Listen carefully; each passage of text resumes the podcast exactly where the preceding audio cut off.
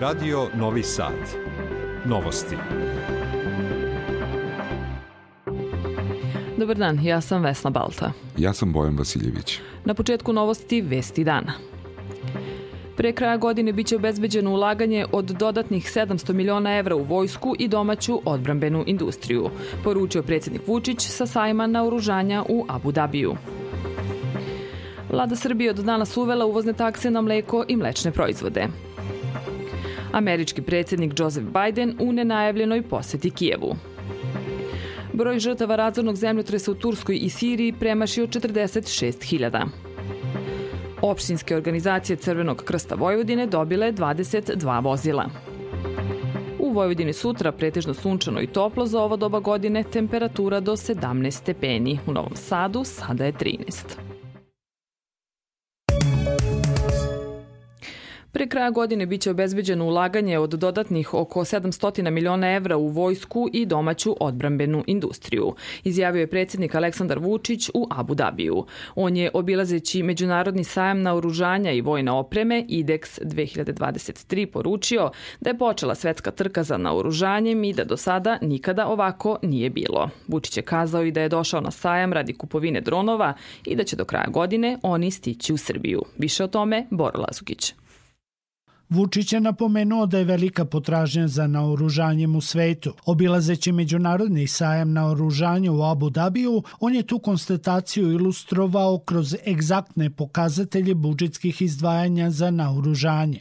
Jer kao što vidite, od tri, ono što i jeste opšti zaključak, krenula je sveopšta trka u naoružavanju, u podizanju nivoa ulaganja, dakle, i formalnog i neformalnog. Prvo 1-2, pa 1-3, pa 1-5, pa 1-8, pa 2. Evo sad jedna Poljska razmišlja o 5% za sledeću godinu. Već je došao na 4%.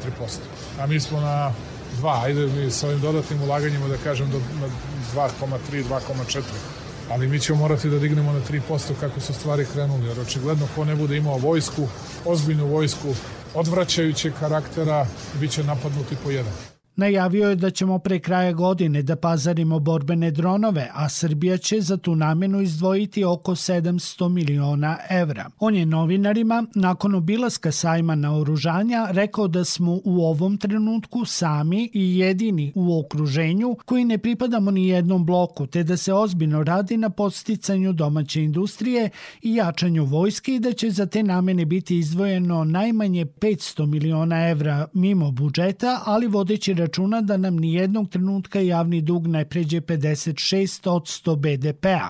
I sada kupujemo ono što sam rekao za vojsku. 109 Miloša, 39 Lazara, 26 tenkova modernizujemo, 26 BRDM-ova radimo, borbene oklopne vozila pešadije. Uh, radimo 12 gvozdika, to su 122 mm da, daljinska artiljerija radimo na raketnoj artiljeriji, dakle 20 ognjeva, to su više cevni bacači raketa koje ste već gledali, dakle. Mi to sve razvijemo i to sve kupujemo i sve mora da bude u vojsci Srbije do septembra 2024.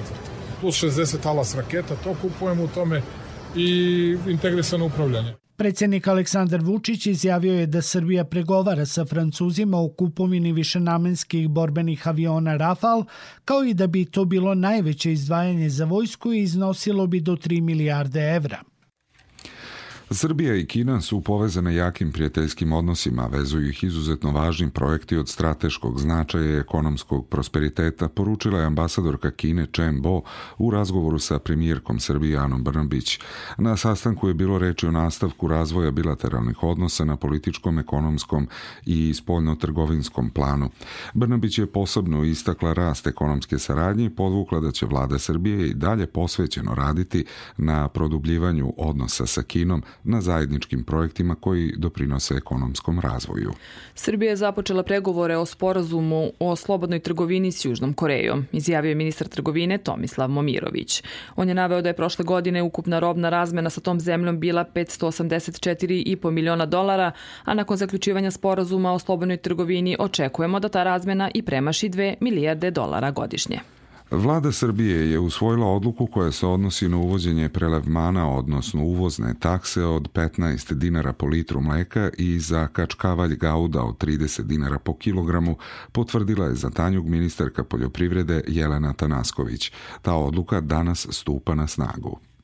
Tako da, eto, pokušavamo da stabilizujemo stanje i sa tom odlukom. Mislim da je ta odluka jako važna za naše srpske proizvođače kako bi zaustavili pad cene otkupnog mleka ovde na, na tržištu i na taj način zaštitili srpskog proizvođača. Predsednik Udruženja proizvođača mleka Mačvanskog okruga Goran Vasić pozdravio je odluku države o uvođenju prelevmana i istakao da je to dobra mera za proizvođače mleka. Naveo je i da je domaće tržište zatrpano mlečnim proizvodima koji su nelojalna konkurencija domaćem.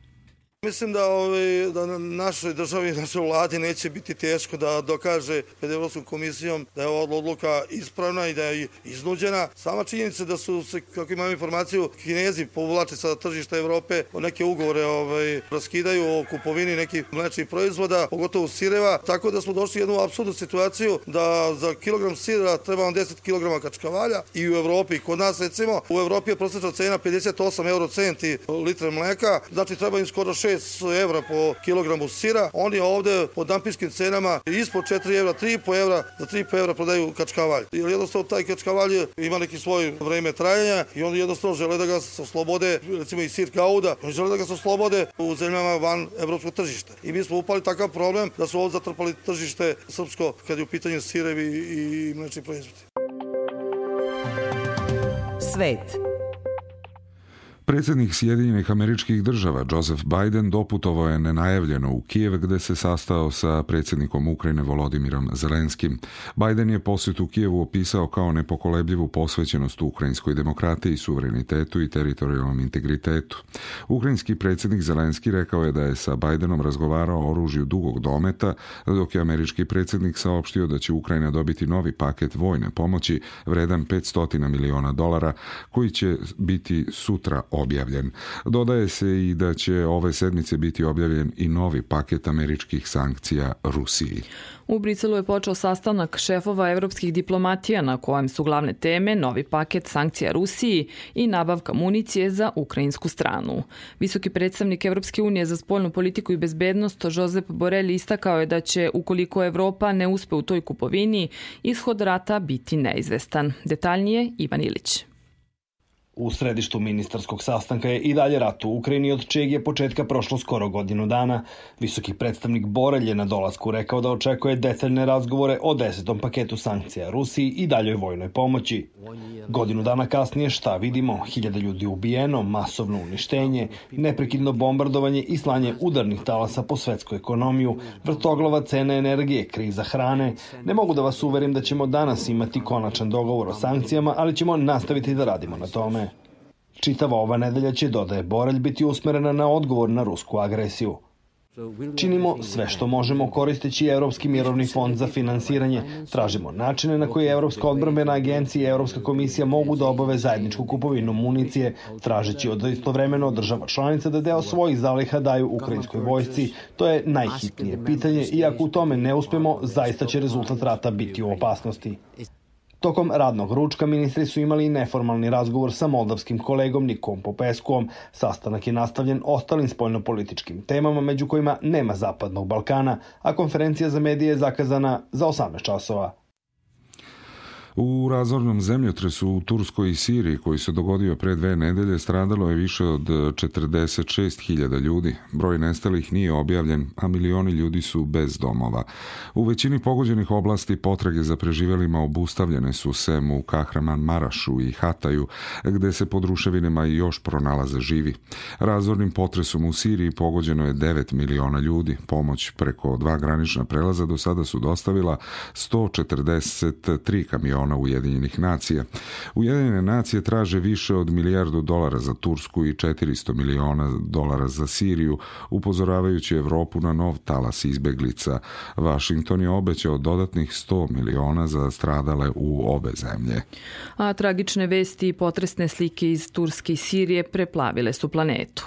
Razorni zemljotres ostavio je nesagledive posledice u čiju se sanaciju uključio ceo svet, pa i naša zemlja, pojedinci i organizacije. Svoj doprinos mogu dati i subotičani između ostalog i kupovinom pčelinjih proizvoda. Priču donosi Boris Šuman. Ganuti vestima, fotografijama i snimcima iz Turske i Sirije, pčelari Subotice odlučili su da organizuju prikupljanje sredstava za pomoć ljudima ove dve zemlje. Na centralnom gradskom trgu organizovana je akcija prodaje meda, a sva prikupljena sredstva biće uplaćena na namenski račun za pomoć postradalima. O motivima akcije govori predsednik Udruženja pčelara Subotice Dragoljub Matić. To je jedan ljudski gest, da tako kažem. Masa Srbije, više, u više gradova pčelare organizuju ovakve, kako te kažem, ovakvu prodaju meda, da koliko toliko, to je u principu jedna skromna naša pomoć, ali eto, se možemo da pomognemo, da pokažemo da se osjećamo nekako s tim ljudima, jer su ono što slike koje odatle vidimo zaista stravične. Pozivu su se odazvali svi pčelari okupljeni u Subotičkom udruženju, a oni će svoje proizvode u humanitarne svrhe ponuditi i sutra, na istom mestu i u istom terminu, od 11 do 17 časa. U nastavku novosti dve vesti sveta. Severna Koreja ispalila je još dve balističke rakete sa istočne obale samo dva dana nakon što je e, jedna severnokorejska raketa pala u Japansko more. Ministarstvo odbrane Japana saopštilo je da su dve rakete pale van granica te zemlje. Tokio je zatražio hitan sastanak Saveta bezbednosti Ujedinjenih nacija. Načelnik generalštaba Južne Koreje osudio je lansiranja nazvavši ih teškom provokacijom i poručio da ih treba obustaviti odmah.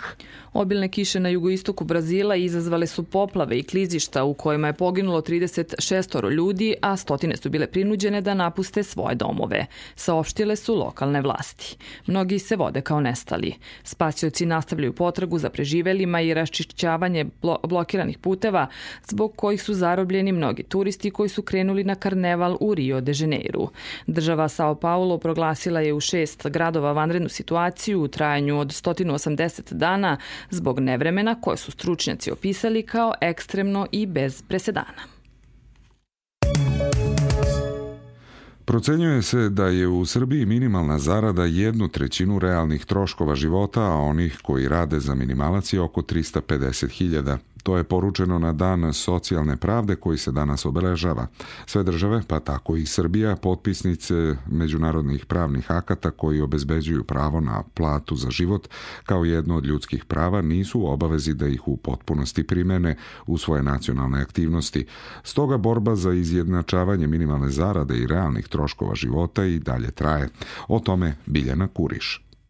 Ne uključujući inflaciju, troškovi života za 2021. godinu bili su 114.000 dinara, kaže za naš radio Bojana Tamindžija iz Centra za politike emancipacija. To su troškovi strane, troškovi stanovanja, odevanja, telekomunikacija, nešto malo novca za kulturu i rekreaciju i podrazumevamo mogućnost odvajanja makar male količine novca sa strane za voza, odnosno za, za crne dane. Kako se dalje ne bi pogoršavao pogoršavao položaj radnika u Srbiji, pre svega u niskim zaradama. Iz Centra za politike emancipacija doneli su deklaraciju o plati za život, kojom se nastoji da se zarada izjednači sa realnim troškovima života. Većina ovih koje rade na minimalcu u stvari rade za strane kompanije i te fabrike koje su ovde deo proizvodnog lanaca velikih kompanija. Mi borbu vidimo kroz neka dva koloseka. Jedan je pritisak na brendove, odnosno na kompanije koje su glavni poslodavci za koje se u krajnjem instanci proizvodi, jer kad se pogledaju njihovi profiti, vidi se da kao prosto novca ima i da nam je potrebna neka pravednija raspodela. Drugi vid borbe za pravedniju raspodelu novca jeste izrada predloga zakona o progresivnom oporezivanju, gde bi jedna od mogućnosti bila oslobađanje plaćanja poreza na najniže niže zarade, objašnjava Bojana Tamindžija. Dodaje da bi tako porez na zarade plaćali oni sa visokim platama, a najniže zarade bi mogle biti uvećane. Crveni krst Gornja Austrije uz podršku vlade Vojvodine i opštine Stara Pazova dodelio je 22 vozila opštinskim organizacijama Crvenog krsta Vojvodine. Brojne opštinske organizacije do sada nisu imale ni jedno vozilo u svom posedu i kako kažu, ova donacija će im u mnogome olakšati rad. Više o tome Milan Drakić.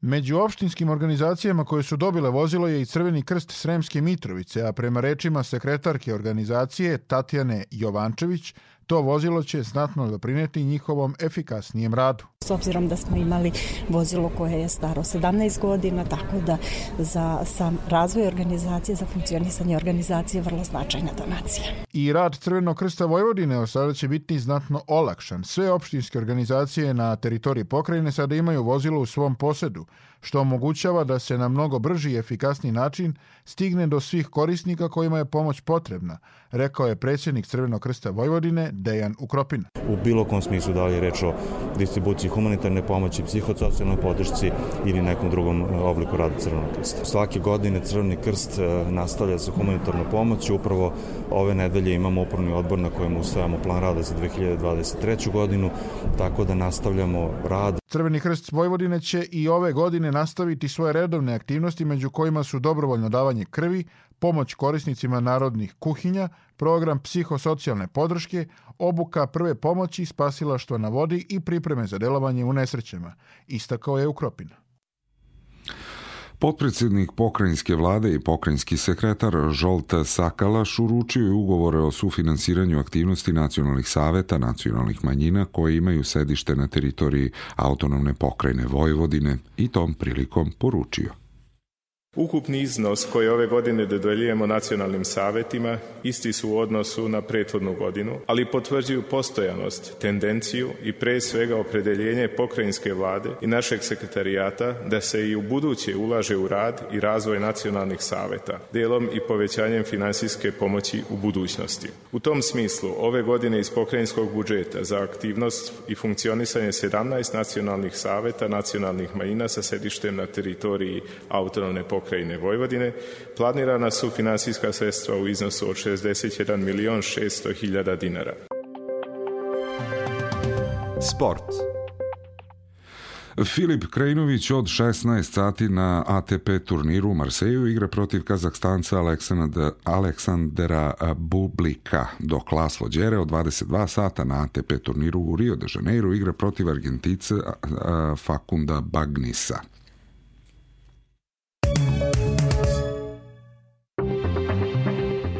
Pred kraj novosti još jednom vesti dana.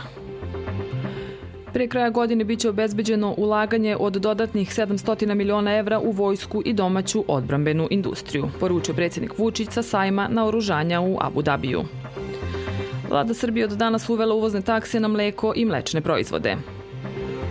Američki predsjednik Joseph Biden u nenajavljenoj poseti Kijevu.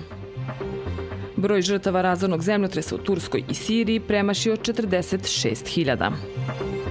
Opštinske organizacije Crvenog krsta Vojvodine dobile 22 vozila.